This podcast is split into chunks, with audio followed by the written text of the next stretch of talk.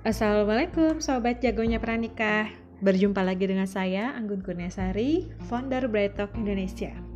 Kali ini kita akan membahas tentang persiapan untuk menjadi orang tua ya bagi ayah dan juga ibu. Tapi saya akan lebih banyak concern ke ibu ya karena memang saya lebih menguasai isu-isu seputar kemuslimahan. Baik langsung saja um, saya ingin banyak mengutip konsepnya Ustadz Haris Santosa terkait fitrah. Jadi untuk menjadi seorang ibu dan juga ayah atau menjadi orang tua itu kita perlu memahami lima aspek fitrah yang nantinya itulah yang akan kita jadikan pegangan karena kita mendidik anak, kita membesarkan anak ya. Itu uh, sesuai dengan fitrahnya. Jadi kita juga mengasah fitrahnya. Supaya apa? Supaya anak-anak ini kembali lagi ke originalnya, kembali lagi ke defaultnya. Allah ingin anak-anak kita seperti apa sih? Allah ingin uh, kita mendampingi anak-anak dan membesarkan anak-anak itu menjadi sosok seperti apa gitu. Nah itulah nanti yang akan kita menjadi uh, bahasan utama kita di episode kali ini insya Allah.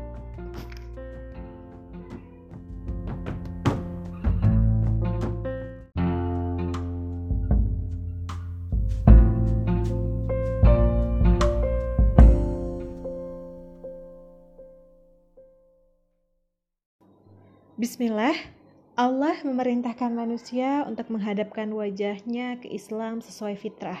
Sebab Allah telah menciptakan manusia sesuai fitrah. Ini ada di Quran surat 30 ayat 30. Maka mendidik sesuai fitrah adalah perintah Allah dan fitrah itu sendiri adalah potensi dasar manusia untuk dirawat, dikuatkan, disadarkan, dikembangkan, dikokohkan sehingga bisa mencapai tujuan hidup kita yaitu beribadah kepada Allah ya. Jadi memang uh, fitrah ini yang memang harus kita um, didik dan ini peran besar orang tua untuk mendidik anak sesuai dengan fitrahnya. Kemudian um, saya ingin juga uh, memberikan suatu gambaran ya bahwa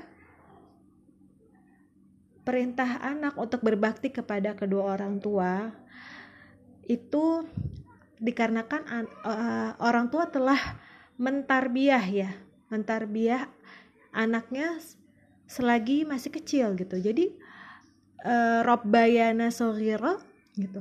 Bukan bukan cuma menyayangi ya, bukan menya, bukan uh, kalau di terjemahan Indonesia kan menyayangi di waktu kecil ya.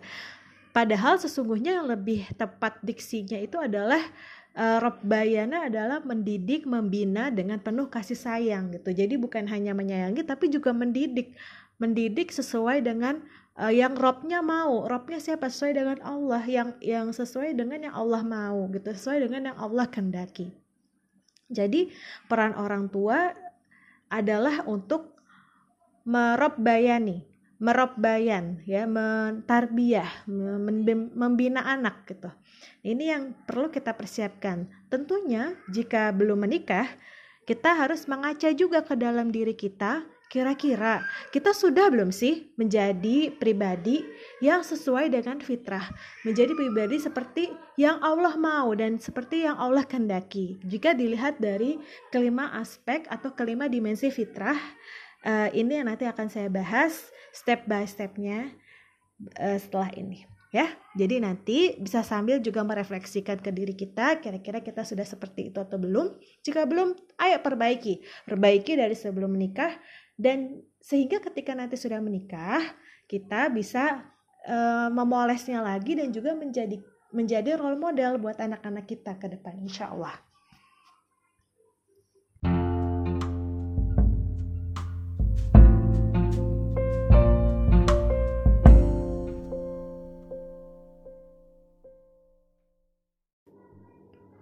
Baik, fitrah pertama adalah dimensi fitrah pertama adalah spiritualitas atau keimanan. Ya. Fitrah uh, spiritualitas ini adalah fondasi yang utama ya, menjadi fondasi berbagai macam dimensi yang nanti akan menunjang aspek fitrah ya. Jadi fitrah ini terdiri dari kalau saya membaginya menjadi lima dimensi yang saya ambil dari konsepnya Ustadz Hari ya dan dimensi yang pertama ini adalah spiritualitas yang menjadi fondasi dan juga nanti ke depannya semua akan dibalikan ke dimensi fitrah uh, spiritualitas ini ya. Apa itu spiritualitas? Spiritualitas itu adalah keimanan ya. Berbicara tentang keimanan berbicara tentang um, apa yang menjadi dorongan besar dalam hidup kita. Apa yang menjadi sandaran besar dalam hidup kita? Ilah kita, ya. Spiritualitas itu. Ilah itu sesuatu yang mendominasi, mendominasi diri kita sehingga kita hanya bisa bersandar bahkan tidak bisa bersandar pada diri kita sendiri tapi bersandar kepada ilah kita itu ya siapa ilah kita Allah maka fitrah spiritualitas itulah yang pertama kali perlu kita pelajari dan juga perlu kita pupuk ke dalam diri kita dan nanti akan kita bina kepada anak-anak kita.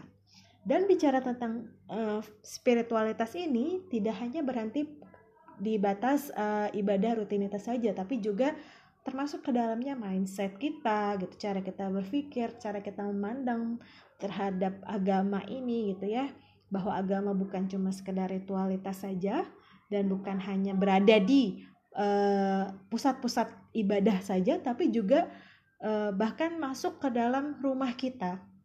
Masuk ke dalam rumah kita dan kita terapkan ke dalam kehidupan sehari-hari kita mulai dari bangun tidur sampai tidur kembali ya. Itulah uh, dimensi spiritualitas yang nanti menjadi utama dalam aspek fitrah ini. Nah kemudian seorang orang tua perlu uh, memahami tahapan tumbuh kembang fitrah berdasarkan jenjang usia ya. Dan nanti ini juga akan saya bahas detail satu persatu ya di masing-masing dimensi masing-masing aspek. Misalnya nanti spiritualitas dan uh, yang lain-lainnya juga akan saya bahas sesuai dengan uh, tumbuh ke fase tumbuh kembang anak ya. Jadi nanti kita lihat kira-kira di fase sekian anak sudah seperti ini belum? Di fase sekian umur sekian sampai umur sekian sudah di fase ini atau belum? Nah ini nanti kita evaluasi juga ke dalam diri kita. Bagaimana diri kita uh, tumbuh nggak fitrahnya sesuai dengan uh, lifespan atau tumbuh kembang yang tadi saya bahas. Baik langsung masuk ya ke aspek spiritualitas. Aspek spiritualitas ini dilihat dari anak usia 0 sampai 2 tahun itu aspek di mana anak-anak perlu dikuatkan fitrahnya dalam konsep uh, rububiyah ya atau tauhid rububiyah. Jadi uh, tauhid rububiyah ini adalah terkait tentang Rob yang menciptakan, um, membimbing, membina, bahkan menjamin basic life skill seseorang. Apa aja? Makanan, sandang, papan, rizki, kemudian ajal um, hidupnya bahagia atau susah gitu ya.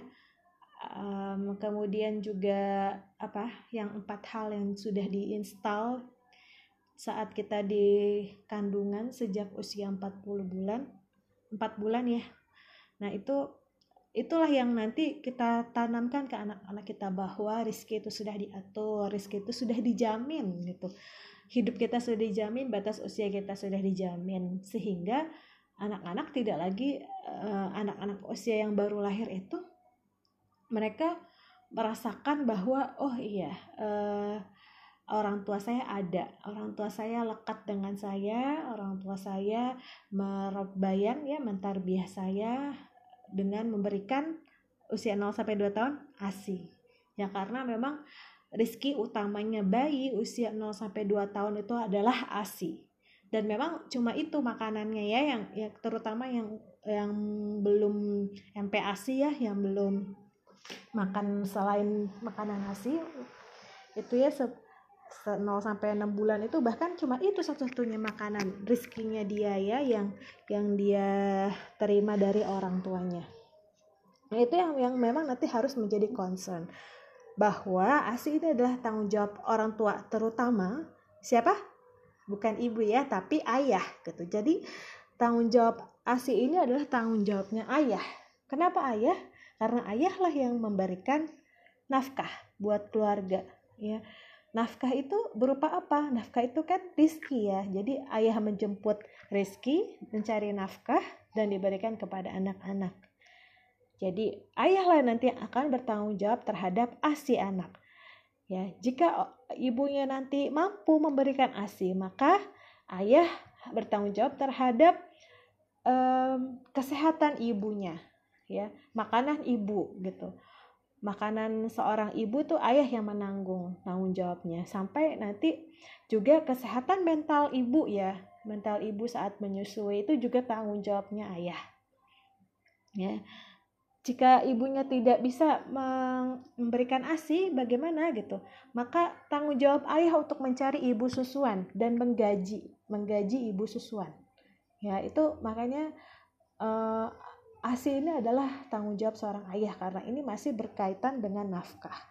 Kemudian eh, kita masuk ke tahapan selanjutnya di usia 3 sampai 6 tahun merawat fitrah keimanan atau fitrah spiritualitas adalah dengan cara kita um, menumbuhkan iman sebelum Islam. Jadi spiritualitas ini kita bicara tentang konsep iman dulu baru sebelum Islam uh, kita belum belum melatih anak-anak terkait pilar pilar-pilar dasar rukun Islam ya belum jadi syahadat salat puasa uh, haji bayar zakat itu belum belum belum diajarkan ke anak-anak tapi kita utamakan kepada kepada uh, rukun iman ya tentang uh, kita mencintai Allah, mencintai Rasulullah, mencintai kitab gitu, mencintai Al-Qur'an sebagai pedoman hidup kita. Jadi kalau misalnya nanya gitu anak-anak bertanya kepada orang tuanya, kita tanya, coba kita lihat ya di Al-Qur'an, kira-kira udah ada belum ya jawabannya? Gitu. Loh, gimana nih? Saya nggak tahu nggak tahu nggak saya nggak hafal Quran saya nggak tahu tafsir gitu orang tuanya. Nah inilah PR kan sekarang juga sudah banyak ya uh, akses untuk menuju ke sana. Paling tidak kita bisa mempelajari dasar-dasarnya jika memang tidak tahu nanti kita bilang ah kalau gitu kita cari tahu cari tahu ke ustadz yang memang faham barangkali memang sudah ada jawabannya di Al-Quran seperti itu ya dan di usia ini tunda dulu pembahasan-pembahasan yang menyeramkan. Jadi kita bangun uh, keindahan terhadap uh, spiritual aspek spiritualitasnya harus terasa indah. Jadi sehingga anak bisa mencintai Allah gitu. Jadi tunda dulu hal-hal yang uh, sifatnya membuat anak tuh insecure, membuat was-was seperti uh, akhir zaman, dajjal, kiamat, tentang syaitan itu tuh masih bisa ditunda gitu. Karena anak belum bisa membedakan baik dan buruk. Usia usia di bawah eh, tujuh tahun belum bisa membedakan baik dan buruk secara pasti gitu. Bahkan uh, masih bingung tangan kanan sama tangan kiri aja masih belum bisa membedakan gitu ya nah ini yang uh, kita perlu perhatikan di fase usia ini. Kenapa? Karena memang uh, Rasul belum mengajarkan anak-anak uh, yang di bawah usia tujuh tahun terkait aspek-aspek spiritualitas yang sifatnya rut, uh, ibadah rutin. Ya belum belum diajarkan gitu. Dan juga belum mengajar belum menakut-nakuti anak dengan konsep nanti Allah marah loh. Belum seperti itu gitu. Ya jadi punishment belum belum bisa diajarin di usia uh, di bawah 7 tahun baru nanti di usia 7 sampai 9 tahun nah inilah mulai diperkenalkan tentang uh, tauhid mulukiyah. Jadi tentang uh, Allah itu raja, bahwa kita tuh hidup ada loh aturannya, ada rules of games dalam hidup yang harus kita jalankan sesuai dengan yang Allah mau karena Allah adalah Malik gitu, raja kita. Allah maunya apa? Kita harus turut uh, ikut sesuai yang raja raja kita mau gitu ya, itu yang Allah mau. Nah, maka di usia 7 sampai 9 tahun ini anak-anak perlu diperkenalkan eh, uh, mulai diperkenalkan tentang rutinitas ibadah gitu ya. Maka sholat pun masuk di sini. Sholat mulai diajarkan di usia 7 tahun. Di bawah usia 7 tahun belum belum belum bisa digegas untuk uh, menjalankan sholat. Kecuali kita yang menjadi contoh, menjadi teladan gitu. Tapi kita tidak bisa memaksa anak untuk sholat gitu di bawah usia tujuh tahun. Nah, Rasul Rasulullah pun tidak seperti itu, gitu ya. Rasulullah pun tidak mengajarkan seperti itu. Rasulullah mengajarkan anak untuk diajak berwudu bersama, diajak untuk sholat bersama itu di usia 7 tahun. Ya, karena inilah masa anak-anak yang memang uh, perlu belajar konsep tentang uh, rules of games dalam kehidupan tadi. Ya, kemudian di usia 10 sampai 14 tahun, nah ini yang yang menantang ya. Usia 10 sampai 14 tahun ini uh, anak-anak baru mulai diberikan uh, konsep uh, tauhid uluhiyah ya. Jadi bahwa segala sesuatu itu ada reward dan ada punishmentnya gitu. Ada konsekuensinya. Nah, karena apa? Karena ada sesuatu yang mendominasi diri kita. Kalau tadi kan kita bicara tentang konsep ilah ya, ilah itu adalah segala sesuatu yang mendominasi diri kita, maka uh, jika Allah yang menjadikan uh, yang menjadi ilah bagi kita gitu, maka kita harus melaksanakan segala sesuatu sesuai dengan yang Allah mau. Ya. Jadi mulai diajarkan anak-anak, mulai diajarkan tentang uh, sholat jika tidak sholat maka bisa kena hukuman karena kamu tidak sesuai dengan yang Allah mau gitu ya Kemudian juga uh, diajarkan bahwa ini pun nantinya akan berdampak kepada diri kita. Kenapa? Karena uh, Allah lah sang holik, Allah ada sang pencipta. Kita makhluk, kita yang diciptakan. Tentunya yang paling tahu terhadap uh, ciptaan gitu, terhadap makhluk itu adalah penciptanya gitu. Maka anak-anak perlu perlu dipahami bahwa Allah tuh paling tahu terhadap hidup kita dan terhadap diri kita. Jika Allah ingin kita sholat, maka kita harus sholat. Kenapa? Karena uh, bukan Allah yang butuh kita, tapi kita yang butuh Allah gitu. Kita butuh untuk selalu berkomunikasi dengan Allah, gitu. selalu mendekatkan diri kita, murokobah kita terhadap Allah. Ya. Kemudian uh, baru di usia 15 tahun ke atas ini usia uh, sudah akil balik ya rata-rata sudah akil balik di usia 15 tahun ke atas walaupun zaman sekarang ada anak-anak yang balik lebih, uh, lebih cepat dibandingkan lebih cepat dari usia tersebut tapi tetap walaupun ada yang sudah balik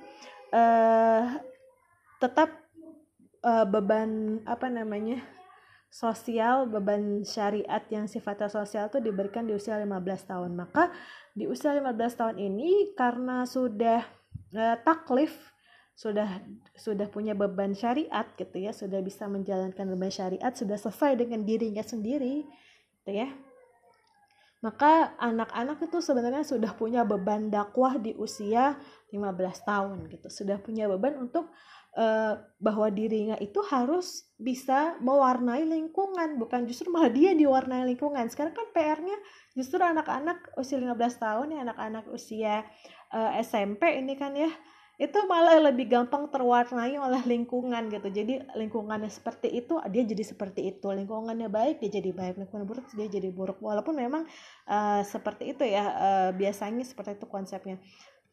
Akan akan terbawa. Tapi alangkah lebih baiknya kita bisa mencipta uh, mendidik anak-anak kita sesuai dengan uh, jika imannya sudah kuat spiritualitas sudah kuat gitu maka ia tidak akan mudah terwarnai oleh lingkungan tapi justru dia yang bisa mewarnai lingkungan ya masya allah ya mudah-mudahan kita bisa uh, menjadi orang tua seperti itu dan mendidik anak-anak kita menjadi seperti itu itu juga menjadi catatan buat saya nah, itu tadi konsep uh, tahapan tumbuh kembang anak sesuai dengan dimensi spiritualitas. Nah, nanti setelah akan kita bahas dimensi lainnya.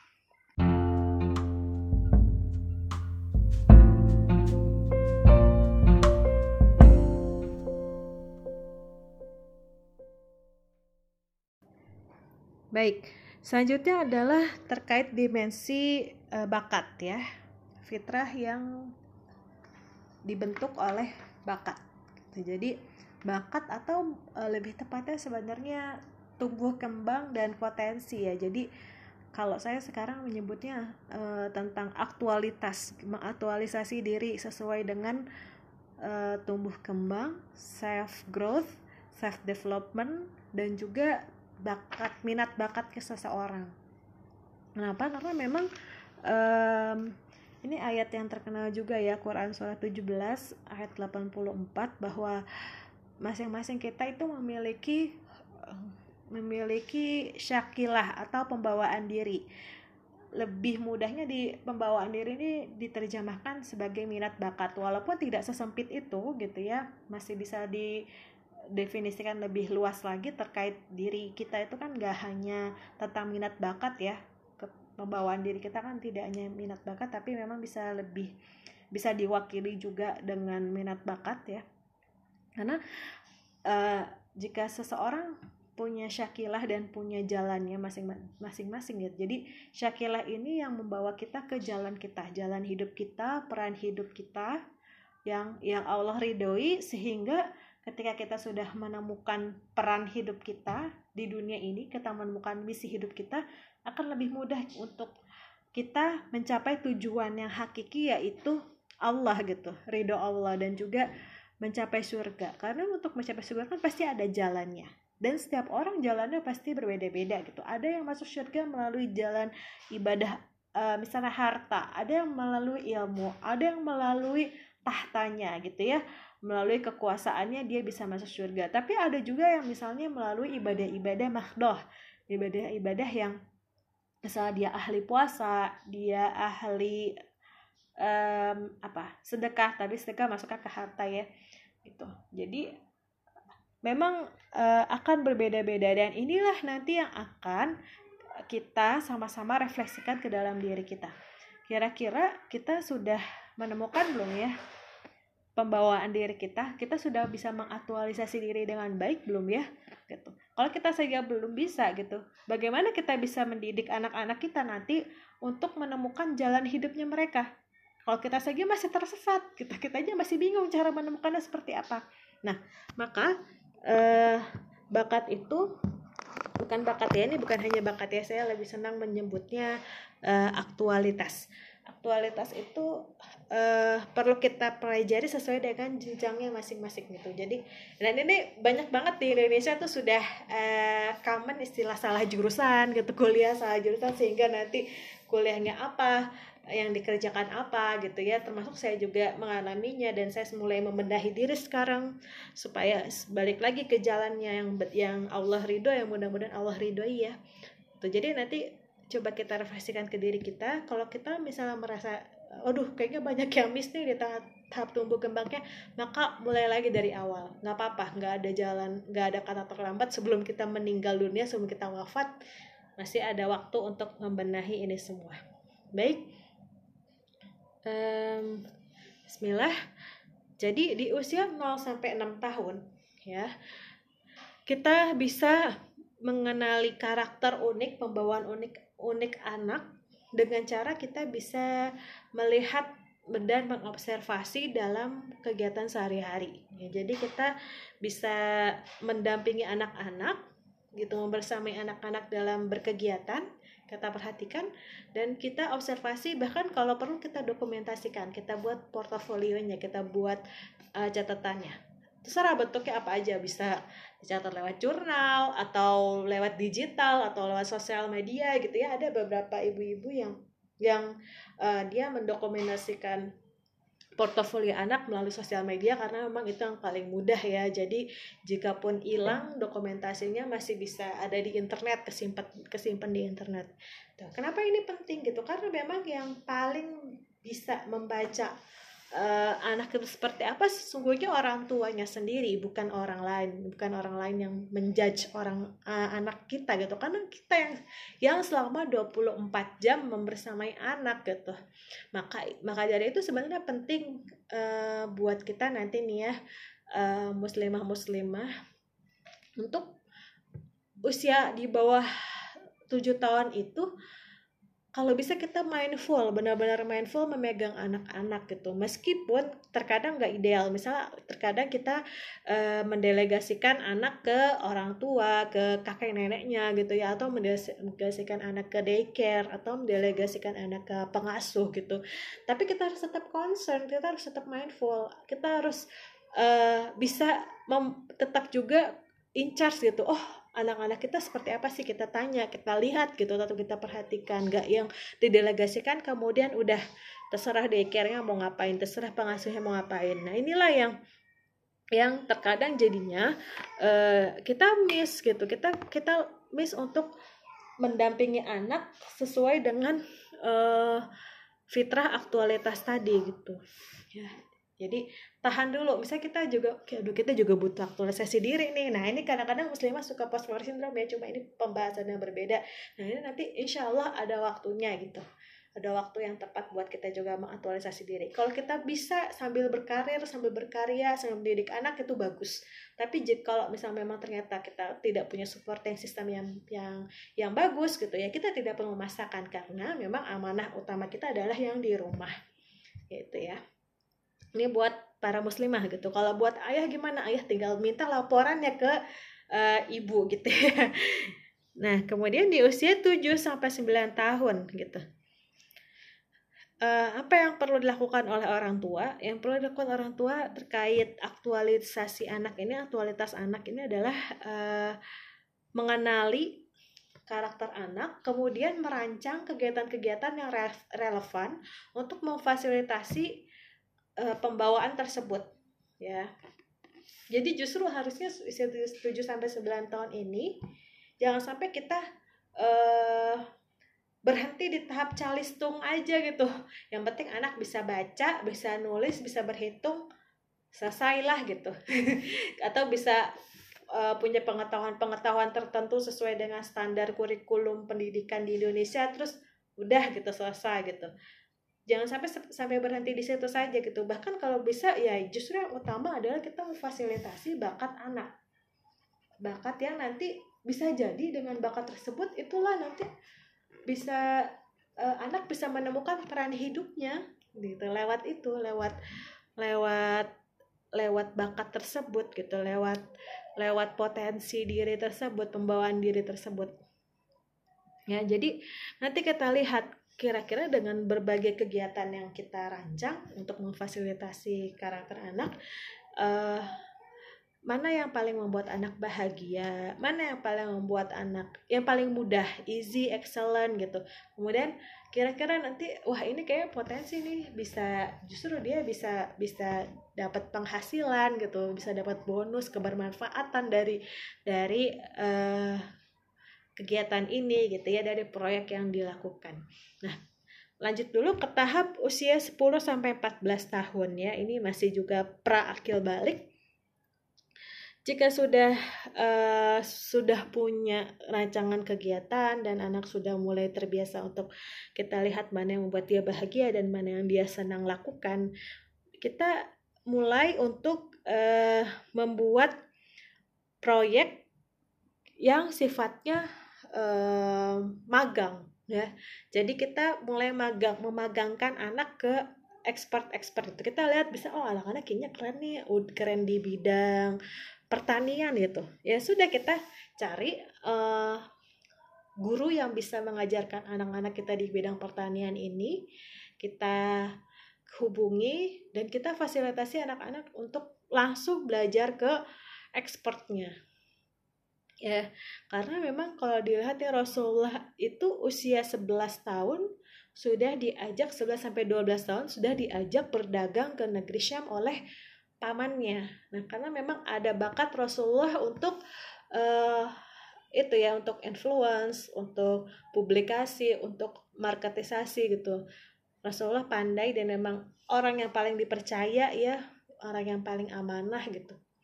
Karena di usia sebelumnya Rasulullah oh ya Rasulullah di usia sebelumnya itu uh, berkegiatan dengan dengan ini ya dengan uh, menjadi peternak uh, menjadi penggembala, penggembala kambing dan dengan menggembala itulah Rasulullah bisa terasah gitu. Oh iya, leadershipnya bagus dengan menggembala.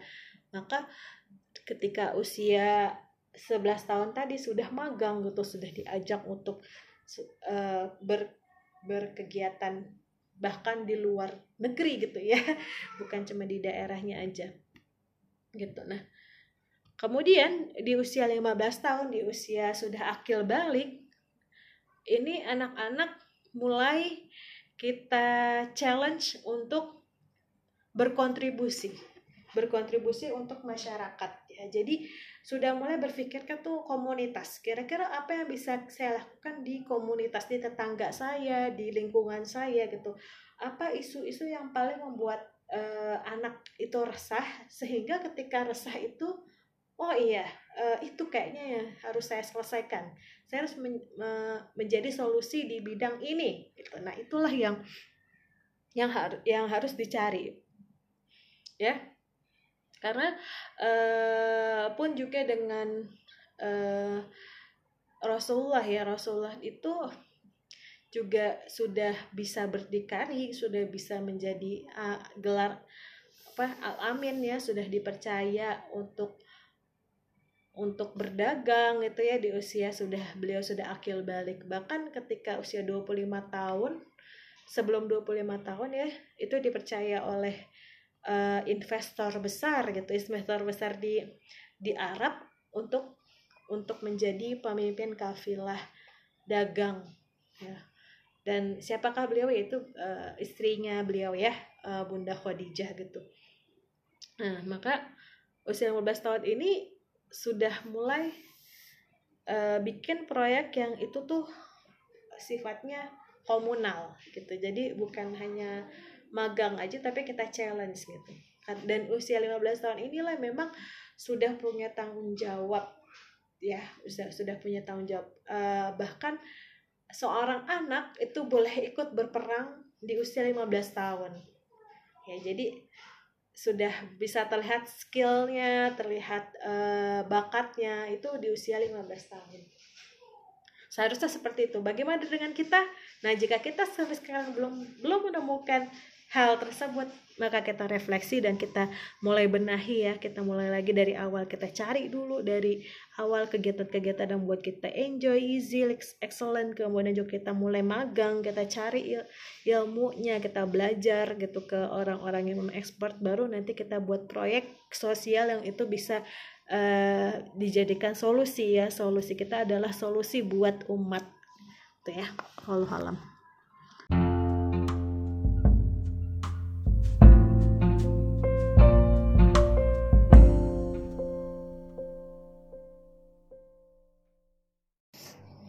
Baik, yang selanjutnya adalah tentang dimensi belajar atau intelektualitas.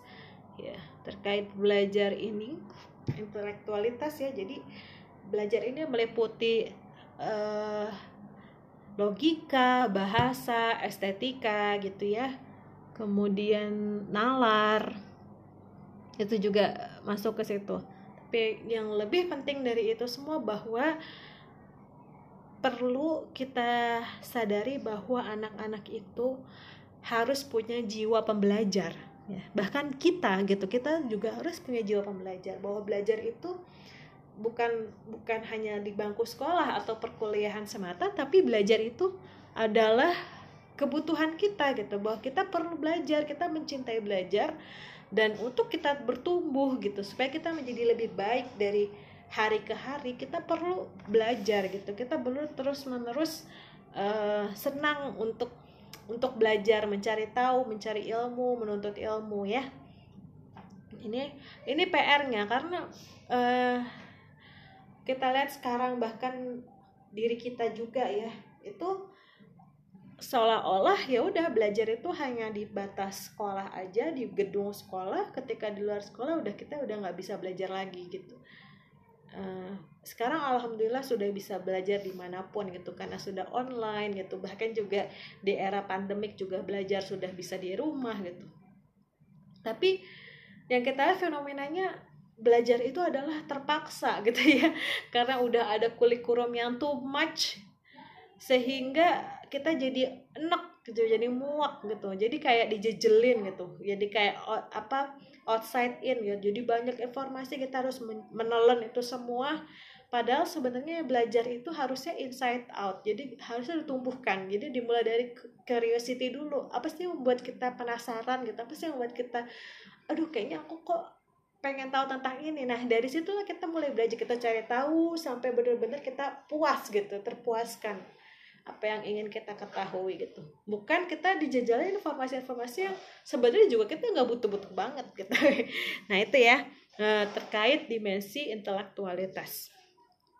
Nah, kita lihat dari tahapan tumbuh kembangnya. Usia 0 sampai 6 tahun itu eh, kita mulai dari kita ya kita lihat dari uh, hidupnya Rasulullah ya. Rasulullah usia 0 sampai 6 tahun dididik di Bani Sa'diyah dengan cara belajar bersama alam. Ya kita tahu bahwa Bani Sa'diyah itu adalah benar-benar yang yang dia uh, Arabnya juga bahasa Arab yang masih murni gitu. Belum nggak ada bahasa kasar orang-orang di sana santun-santun uh, kemudian lingkungannya juga lingkungan yang terbaik ya hijau gitu ya. Nah maka uh, Rasulullah belajar belajar kisah-kisah sastra yang uh, kan orang Arab senang ini ya senang syair ya. Itu dari situ dari dari Bani Sa'adiyah gitu. Kemudian juga belajar untuk memelihara hewan ya karena memang uh, ibu susuannya juga berternak kambing gitu. Jadi bisa belajar dari sana. Kemudian uh, maka yang lebih penting di di usia 0 sampai 6 tahun ini adalah kita melihat membuat anak-anak itu uh, senang ber, berinteraksi dengan alam sehingga antusias dalam belajar gitu ya. Jadi anak-anak lagi senang apa nih? Kira-kira kita perhatikan oh anak-anak lagi senang uh, tentang sapi gitu. Ya sudah kita kita belajar tentang sapi mulai dari produk-produk yang dihasilkan sapi, sapi itu makannya apa, warnanya apa gitu ya. Kemudian eh, cara merawatnya seperti apa, di situ semuanya jadi bisa bisa terlihat gitu, bisa dari berbagai mata berbagai, berbagai mata pelajaran gitu kita bisa kita bisa ajarkan, bisa kita kita bisa kasih tahu ke anak-anak sehingga anak-anak excited gitu ya jadi antusias gitu poinnya itu sebenarnya membangun antusias gitu ketika kita mendekatkan anak-anak ke lingkungan ke alam maka anak-anak dengan sendirinya akan lebih lebih antusias dibandingkan kita jejalkan dengan calistung dengan simbol-simbol dan angka-angka dan huruf-huruf. Nah, kemudian di usia 7 sampai 9 tahun. Di sini anak-anak sudah mulai uh, bisa mengasah logikanya ya sudah paham aturan sudah tadi kan juga sudah belajar rules of games hidup ya sudah belajar tentang rutinitas ibadah maka uh, di usia ini bisa mulai anak-anak belajar dalam kelompok gitu. Jadi udah mulai kalau mau disekolahkan gitu ya didelegasikan ke bangku sekolah itu sudah bisa di usia 7 tahun gitu. Maka sebenarnya anak-anak yang belajar sekolah uh, di bawah usia 7 tahun tuh biasanya akan mengalami kejenuhan. Dan kita lihat banyak kan fenomenanya sekarang gitu. Anak-anak udah mulai kayaknya capek banget masalah uh, untuk sekolah gitu. Udah males sekolah gitu. Di usia SMP gitu udah bahkan SMA SMA udah sering banget kita lihat anak-anak SMA yang padahal dia pintar tapi dia dia nggak mau ke sekolah gitu ya. Depresi. Terus uh, bahkan sekarang SMP udah ada yang seperti itu ya maka uh, jangan terlalu dini menggegas anak-anak gitu. kita harus harus perhatikan haknya hak-hak anak-anak sesuai dengan tahapan tumbuh kembangnya. Jadi di usia 7 sampai 9 tahun ini baru bisa baru bisa diajarkan di kelompok. Ya. Kemudian di usia 10 sampai 14 tahun ini sudah mulai belajar adab. Ya jadi eh, anak-anak uh, sudah mulai uh, dikenalkan adab itu kan mentakdib itu termasuk mempunishment ya. Jadi ketika ibadah saja sudah bisa di uh, punish gitu sudah bisa diberikan hukuman ketika tidak menjalankan ya di sudah bisa dipukul maka sama ketika berbicara tentang belajar dan intelektualitas ini ini juga perlu ada disiplin. Nah, jadi di usia 10 sampai 14 tahun di bawah 15 tahun ini memang anak-anak kita ajarkan pola kemudian konsistensi, disiplin gitu bahwa semua ada waktunya loh gitu. Ada waktunya kita belajar, ada waktunya kita bermain gitu. Bukan belajar sampai bermain, tapi belajar ya belajar, main-main gitu. uh, bahwa belajar itu harus menyenangkan sepakat menyenangkan tapi uh, belajar yang menyenangkan itu kan tidak harus bermain tidak harus dengan metode bermain belajar yang menyenangkan kalau kita belajar sesuatu hal yang kita suka yang membuat kita bahagia otomatis akan menyenangkan. Jadi yang membuat tidak menyenangkan itu apa? Bukan metodenya bukan bukan bukan bermain yang membuat menyenangkan itu bukan bermainnya tetapi kontennya. Itu konten itu disukain gak sih sama anak-anak gitu? Nah maka di usia 10 balik lagi ya di usia 10 sampai 14 tahun ini eh, anak-anak uh, sudah harus mulai bisa uh, dilatih kedisiplinannya karena untuk belajar antusiasme untuk belajar apa yang dia suka itu sudah selesai di di fase tumbuh kembang yang sebelumnya ya. Tuh karena yang kita perlu perhatikan bahwa ada adab sebelum ilmu ya. Tadi kan kita di awal kita belajar iman dulu membentuk membentuk kecintaan dulu di alam ya. Jadi mengasah antusiasme dulu gitu kemudian baru kita belajar uh, adab dulu adab dulu sebelum ilmu. Nah di usia ini kita mulai mendidik anak mentakdib anak dan mengasah adab-adab seorang anak. Baru nanti setelah usia 15 tahun ke atas itu sudah waktunya ilmu dan amal ya. Sudah waktunya ilmu itu bukan di tahap cuma tahu aja gitu. Jadi di usia usia SMP 15 tahun itu harusnya anak-anak sudah mulai bisa mengaplikasikan ilmunya kira-kira aku udah punya ilmu seperti ini apa yang bisa aku kontribusikan buat umat buat lingkungan aku buat komunitas aku? Gitu. Nah bagaimana dengan diri kita? Sebagai calon orang tua nantinya apakah kita sudah uh, memenuhi tahapan tumbuh kembang tersebut? Ya mari kita refleksikan. Jika belum ayo kita benahi lagi. Ya sama-sama benahi lagi dari awal gak masalah. Ya Bismillah ya.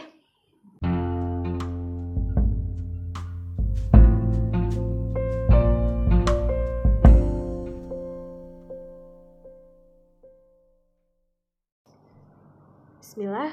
Sekarang dimensi yang keempat adalah seksualitas ya. Jadi bicara tentang seksualitas ini bukan hanya bicara tentang hmm, bukan hanya bicara tentang ini aja ya misalnya perempuan laki-laki pendidikan seks bukan tentang itu bukan tentang uh, bukan hanya sebatas tarbiyah uh, ya atau tarbiyah jinsi itu adalah pendidikan seks ya terkait mulai dari adab pergaulan sampai adab diranjang gitu. bukan hanya itu tapi justru lebih lebih deep lagi tentang gender ya jadi tentang gender feminin dan gender maskulin. Bahwa di dunia ini cuma ada dua gender nggak ada transgender ya. Jadi nggak ada. Kenapa nggak ada transgender gitu ya?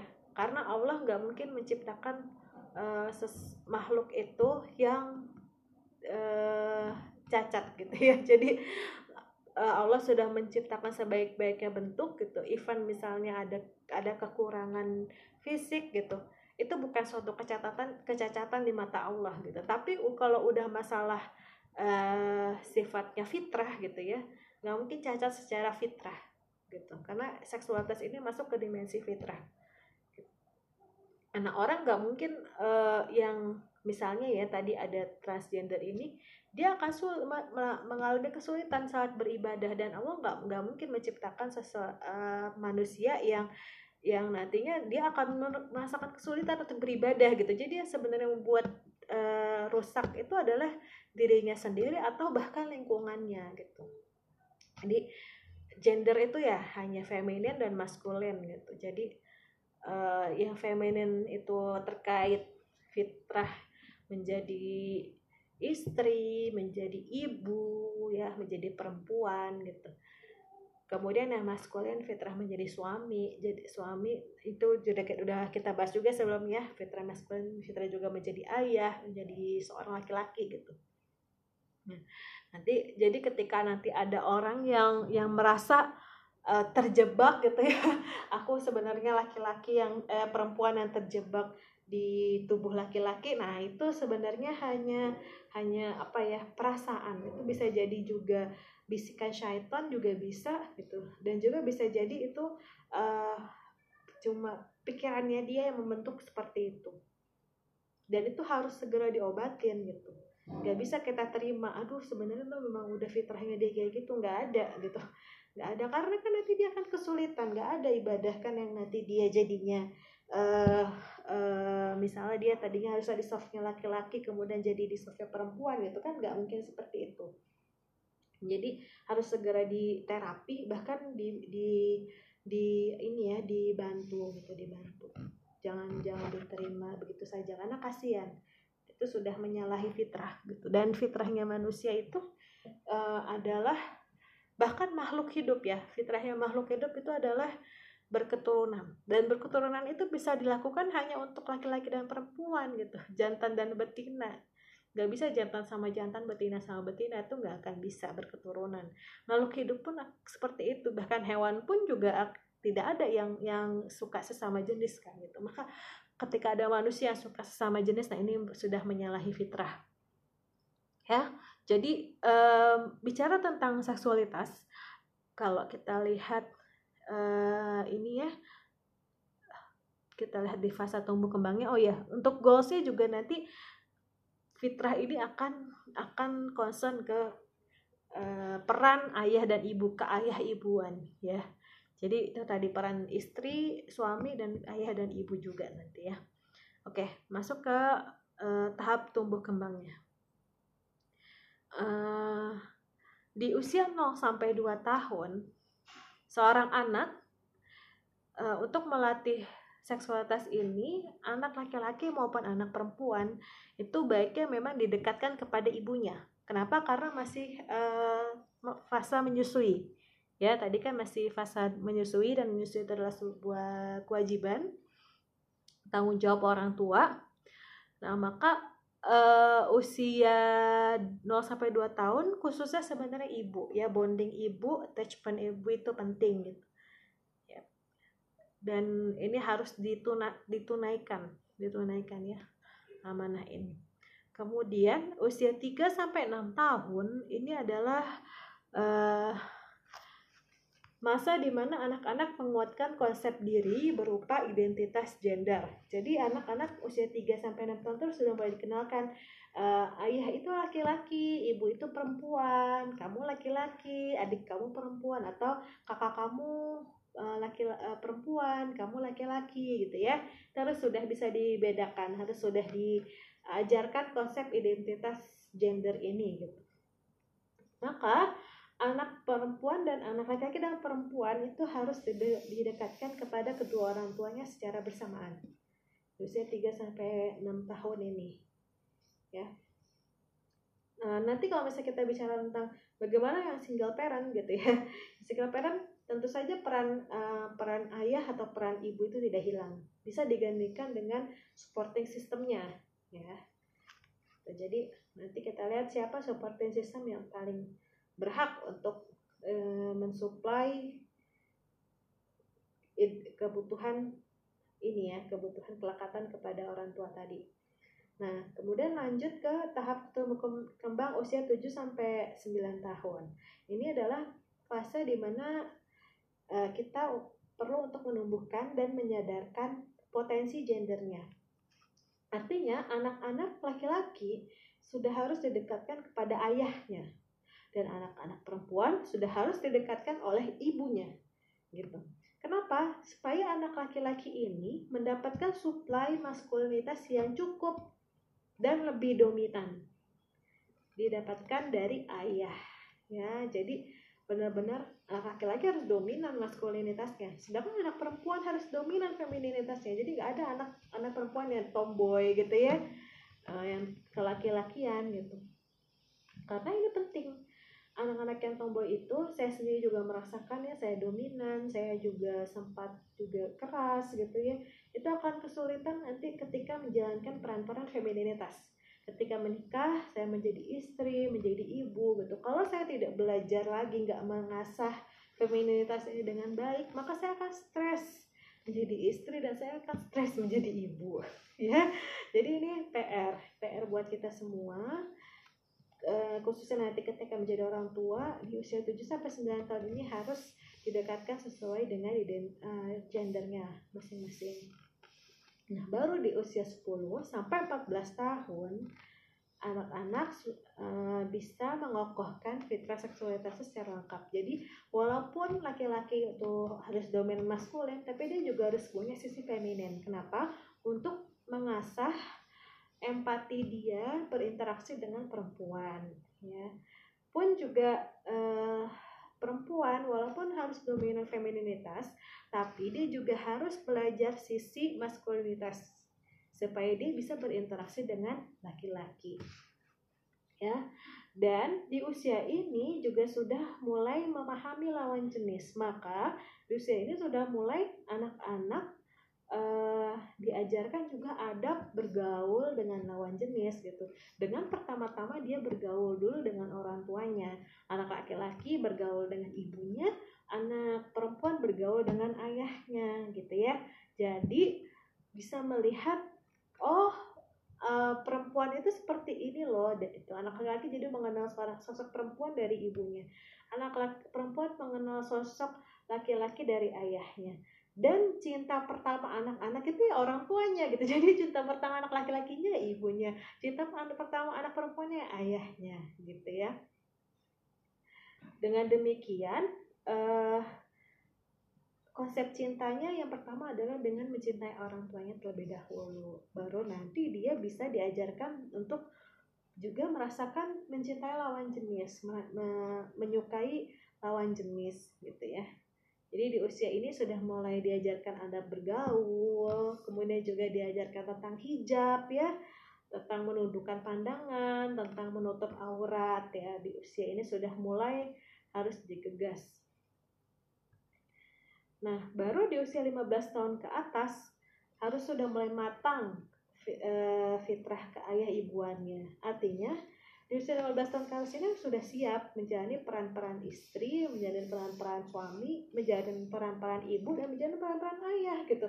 Seharusnya dia di usia 15 tahun ke atas ini anak-anak sudah sudah bisa menjalani peran domestik dan laki-laki uh, apa uh, yang laki-laki juga sudah bisa mulai mencari nafkah diajarkan gimana caranya mencari nafkah tadi ya fitrah aktualisasi dirinya udah harus beres sehingga dia bisa mengemban amanah nafkah ke depannya ya jadi dan e, kuncinya adalah anak laki-laki kembali didekatkan kepada ayah sedangkan anak perempuan kembali didekatkan lagi kepada ibu supaya lebih paham lagi oh iya uh, saya harus benar-benar belajar praktek femininitasnya dari ibu dan saya harus dan anak laki-laki harus belajar praktek maskulinitasnya dari ayah. Sudah harus mulai paham tentang mahram, udah harus menerapkan bahkan ya bukan cuma paham ya di usia 15 tahun ini karena sudah akil balik, maka harus sudah paham mahramnya siapa, siapa yang yang boleh uh, dinikahi, mana yang nggak boleh dinikahi, kemudian e, batasan aurat itu sudah seperti apa. Bahkan ya juga tadi sudah bisa menjalankan peran dalam rumah tangga dan juga peran dalam keluarga dengan baik seperti itu ya untuk dimensi seksualitas.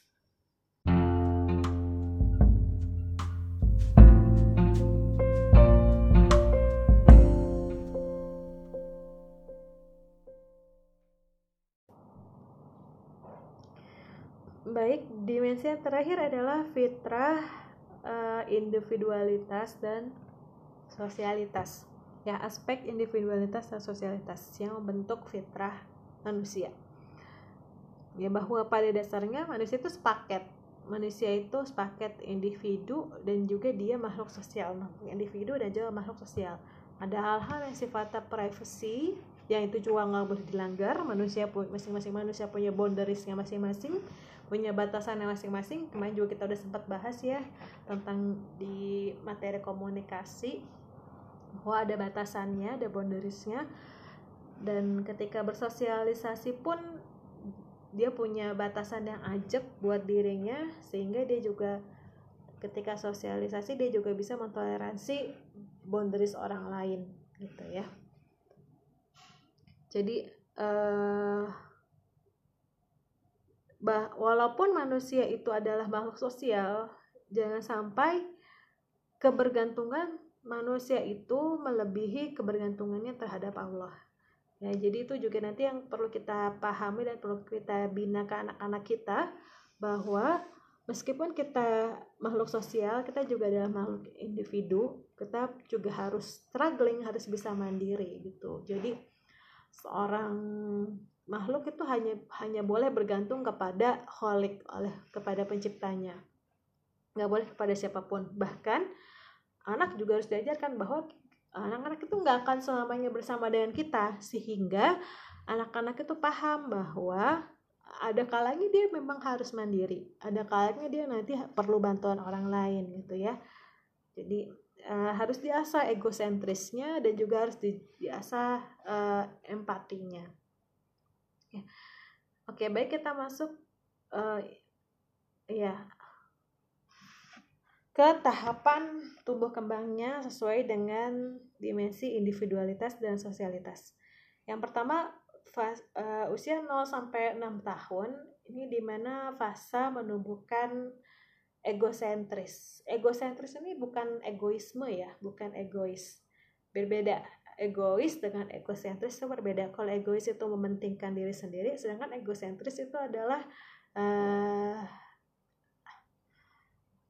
apa hmm, pusat pusat diri. Pusat diri yang itu adalah hak setiap orang yang memang perlu dipenuhi sebelum dia uh, berinteraksi dengan orang lain. Jadi harus dipenuhi dulu hak-hak pribadinya hak-hak privasinya. Harus diakui keberadaannya ya. Jadi dengan ada egosentris ini kita mengakui keberadaannya mengakui dia dan menghargai dirinya secara individu yang utuh ya sehingga di usia 0 sampai 6 tahun ini anak-anak belum bisa diajarkan untuk berbagi ya.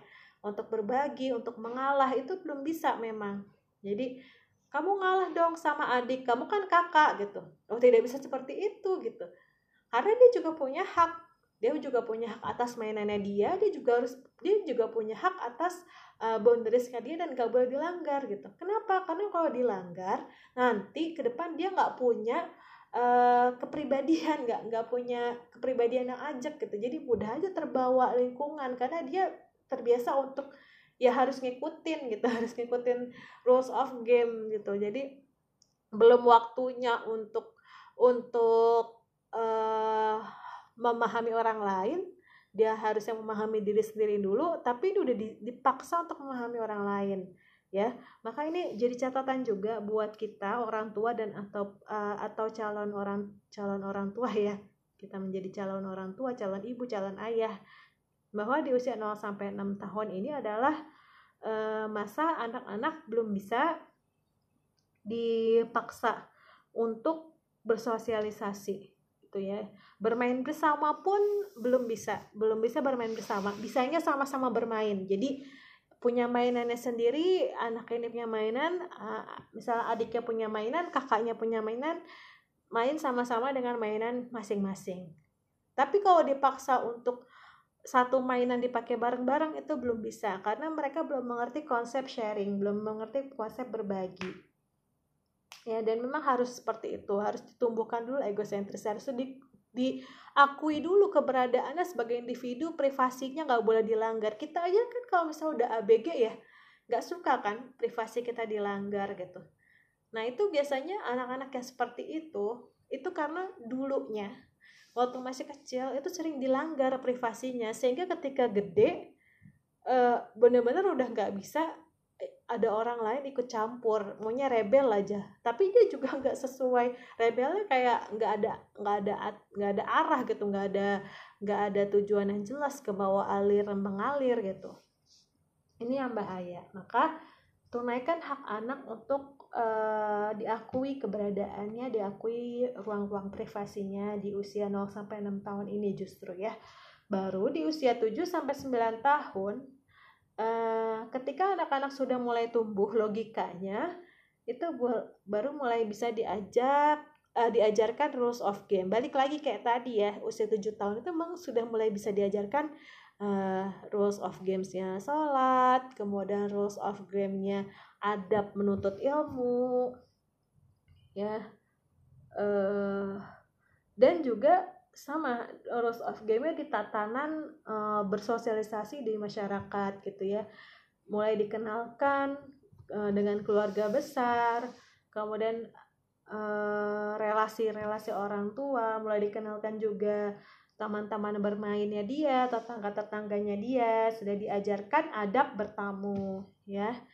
Dan di fase ini penting buat kita Eh, kita sebagai orang tua membangun imunitas bukan sterilisasi. Jadi nggak lagi mensteril anak-anak. Aduh anak-anak bahaya nih bergaul uh, zaman sekarang udahlah nggak usah keluar rumah main di rumah aja gitu. Nah justru kebalik harusnya di usia ini di usia 7 sampai 9 tahun anak-anak harus sudah mulai memahami lingkungan sekitarnya. Ini tahu bahwa oh ada ya orang yang berbeda dengan kita dengan dengan diriku dengan dengan keluargaku uh, ternyata ada loh orang yang seperti itu gitu. Ternyata aku nggak nggak suka ya ternyata kalau di diperlakukan seperti ini oleh temanku nah itu mulai diajarkan usia 7 sampai 9 tahun ya.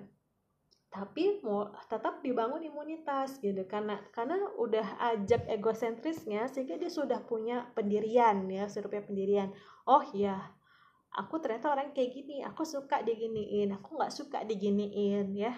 Itu di usia 7 sampai 9, tahun. Baru di fase 10 sampai 14 tahun anak-anak mulai diajarkan konsep pergaulan terhadap sesama dan juga terhadap lawan jenis ya. Jadi balik lagi ke seksualitas tadi.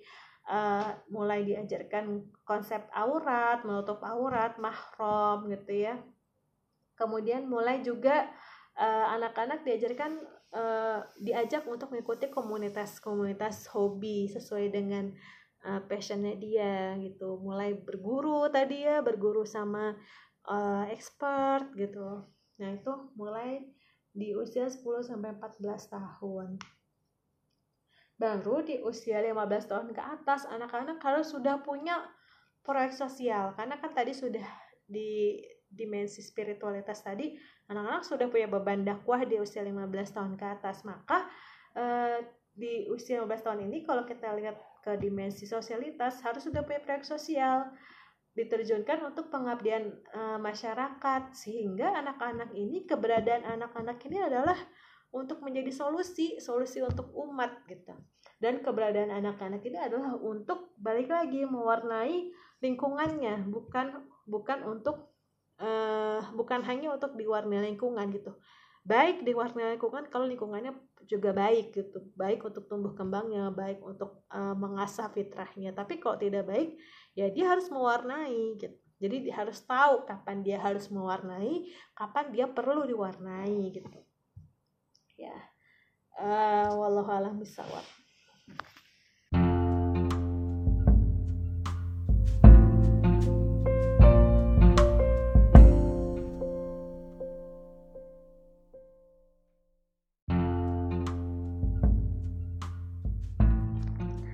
Baik sahabat jagoan pranikah dan juga pendengar podcast Eurai Talk Sekian aja nih materi tentang uh, persiapan untuk menjadi orang tua Dan saya concern untuk bagaimana orang tua mendidik anak sesuai dengan fitrahnya Ya. Uh, jika nanti ada yang ingin ditanyakan bisa sharing di jam diskusi Atau jangan sungkan untuk misalnya berkomunikasi saya dengan di Instagram Instagram Brightalk boleh di Instagram pribadi saya juga boleh Insya Allah kalau saya ada uh, keluangan waktu saya saya usahakan untuk kita sama-sama diskusi bersama ya. Sekian mohon maaf jika ada kekurangan dan banyak kehilafan dari saya. Semoga bermanfaat. Assalamualaikum warahmatullahi wabarakatuh. thank you